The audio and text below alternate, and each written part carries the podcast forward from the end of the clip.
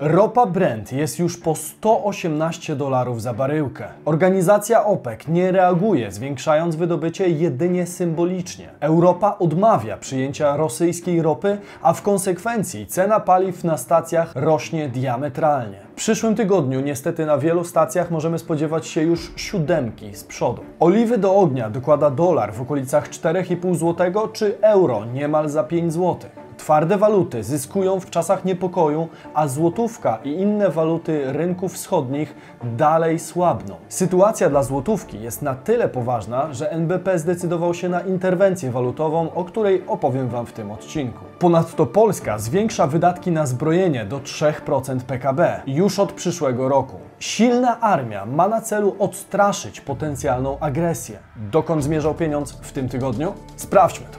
Bizweek. Cotygodniowy przegląd świata biznesu i finansów. Cześć, tutaj Damian Olszewski i witam Was serdecznie w programie Praktycznie o pieniądzach i informacyjnej serii Bizweek. Wybaczcie, że trochę czasu mnie nie było. Trzy ostatnie dni spędziliśmy na ukraińskiej granicy, aby pomóc tak jak umiemy oraz pokazać i nagłośnić to, co Polska robi dla uchodźców. Udało nam się zebrać mnóstwo informacji i porozmawiać z ludźmi z całego świata. Relacje z tego czasu pokażemy Wam niebawem. Warto subskrybować kanał, aby nie przegapić kolejnych odcinków. A tymczasem Zaczynajmy. Paliwo w przyszłym tygodniu najpewniej powyżej 7 zł. W zaledwie tydzień od ostatniego odcinka Bizweek wszystko, co mogło być najgorszym scenariuszem dla ropy w Europie, niestety się realizuje. Notowania ropy naftowej szybują w górę w astronomicznym tempie, przekraczając już 118 dolarów za baryłkę w obawie przed zakłóceniami dostaw uralskiej ropy. Ponad 25% ropy zużywanej w Europie pochodzi właśnie z Rosji, a w przypadku ograniczenia dostaw powszechnie mówi się o ropie nawet i na poziomie 150 czy 180 dolarów za baryłkę.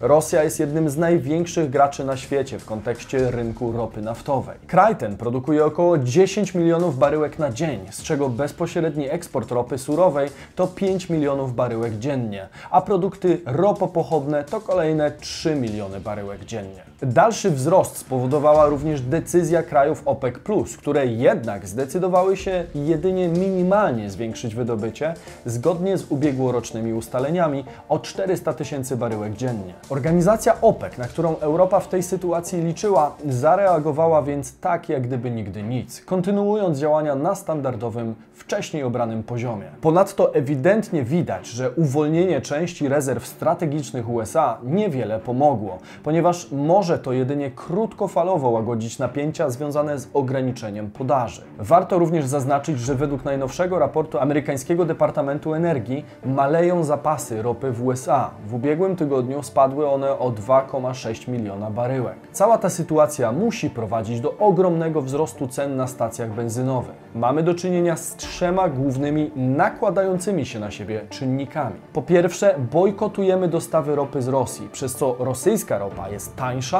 natomiast znacząco drożeje tak zwana ropa Brent, czyli wskaźnik, który najbardziej interesuje Europę. Jeszcze tydzień temu była w okolicach 95 dolarów, a w tej chwili jest już za 118 dolarów. Mówimy więc o ropie droższej o 20%. Po drugie, dolar, w którym wyceniana jest baryłka ropy, jest znacznie droższy, przez co nie dość, że ropa sama w sobie drożeje w dolarze, to do tego dochodzi kolejne 10-15% wzrostu, który dokładany jest przez spadek wartości złotówki względem dolara. Po trzecie, wydobycie ropy wśród krajów OPEC Plus pozostaje niemal niezmienne, a Europa nadal poszukuje stabilnego dostawcy. Europa nowego, solidnego gracza szuka w tej chwili choćby w Iranie, a w czasie znacznej reorganizacji tego rynku będziemy musieli ponieść tego konsekwencje.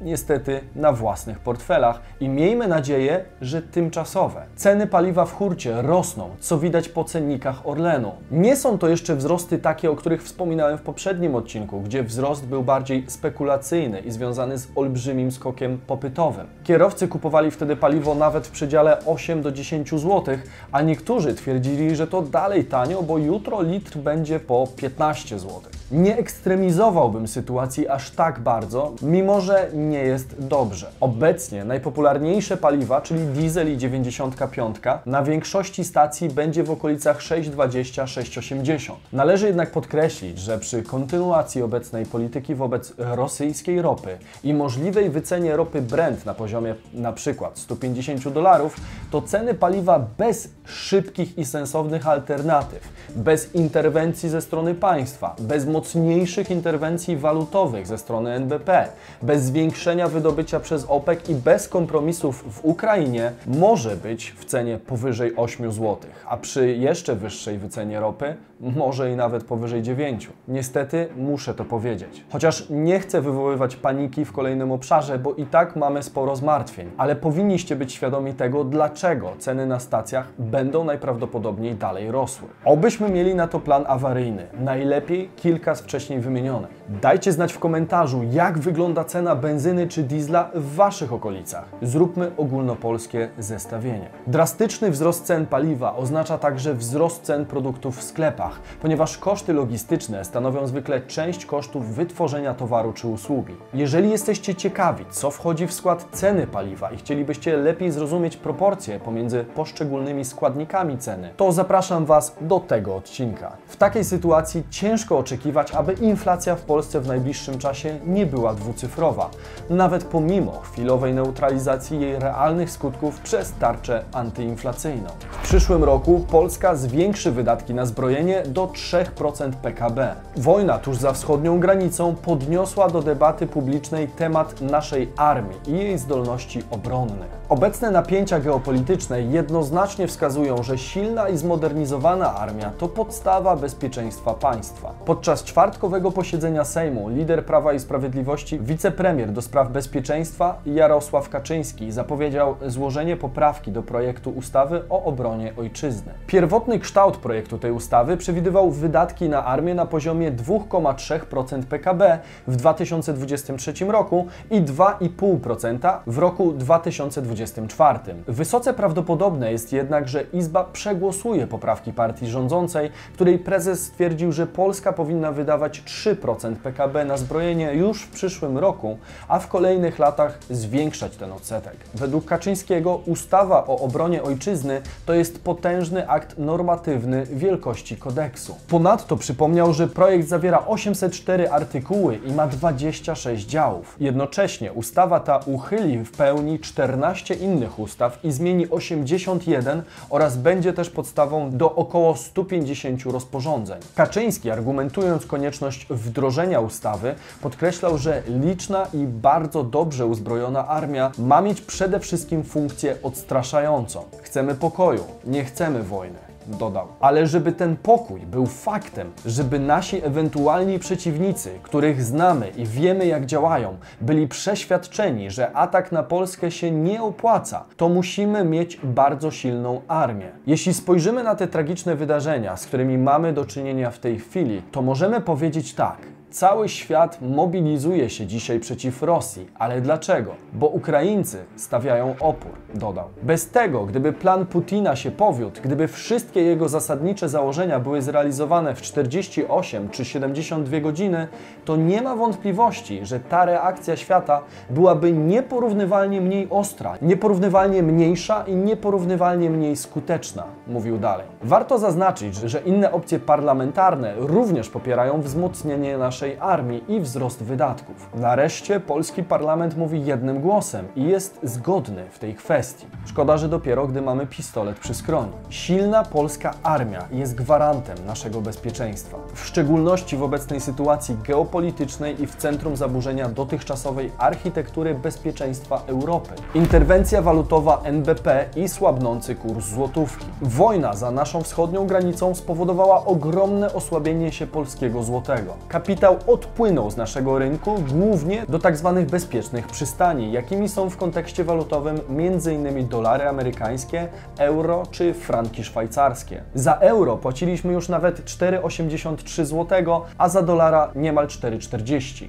Ogromna deprecjacja naszej waluty doprowadziła do interwencji Narodowego Banku Polskiego na rynku walutowym. Już Wam mówię, jak to wygląda. Polega ona na wymianie walut obcych na złotówki. W ten sposób NBP skupuje złotówki z rynku i powoduje popyt na polskiego złotego, a w ten sposób dokonuje aprecjacji waluty. Na wykresie widać, że złoty faktycznie umocnił się wobec euro we wtorek po interwencji NBP, jednakże nie doprowadziło to do powstrzymania obecnie obowiązującego trendu. Można więc uważać, że interwencja z tego tygodnia raczej nie jest ostatnim tego typu zagraniem. NBP w specjalnym komunikacie podkreślił, że obserwowana w ostatnich dniach deprecjacja złotego nie jest spójna z fundamentami polskiej gospodarki, ani też z kierunkiem prowadzonej polityki pieniężnej NBP. NBP posiada adekwatny poziom rezerw walutowych oraz dysponuje odpowiednim zestawem instrumentów, aby przeciwdziałać negatywnym tendencjom na rynku finansowym i walutowym.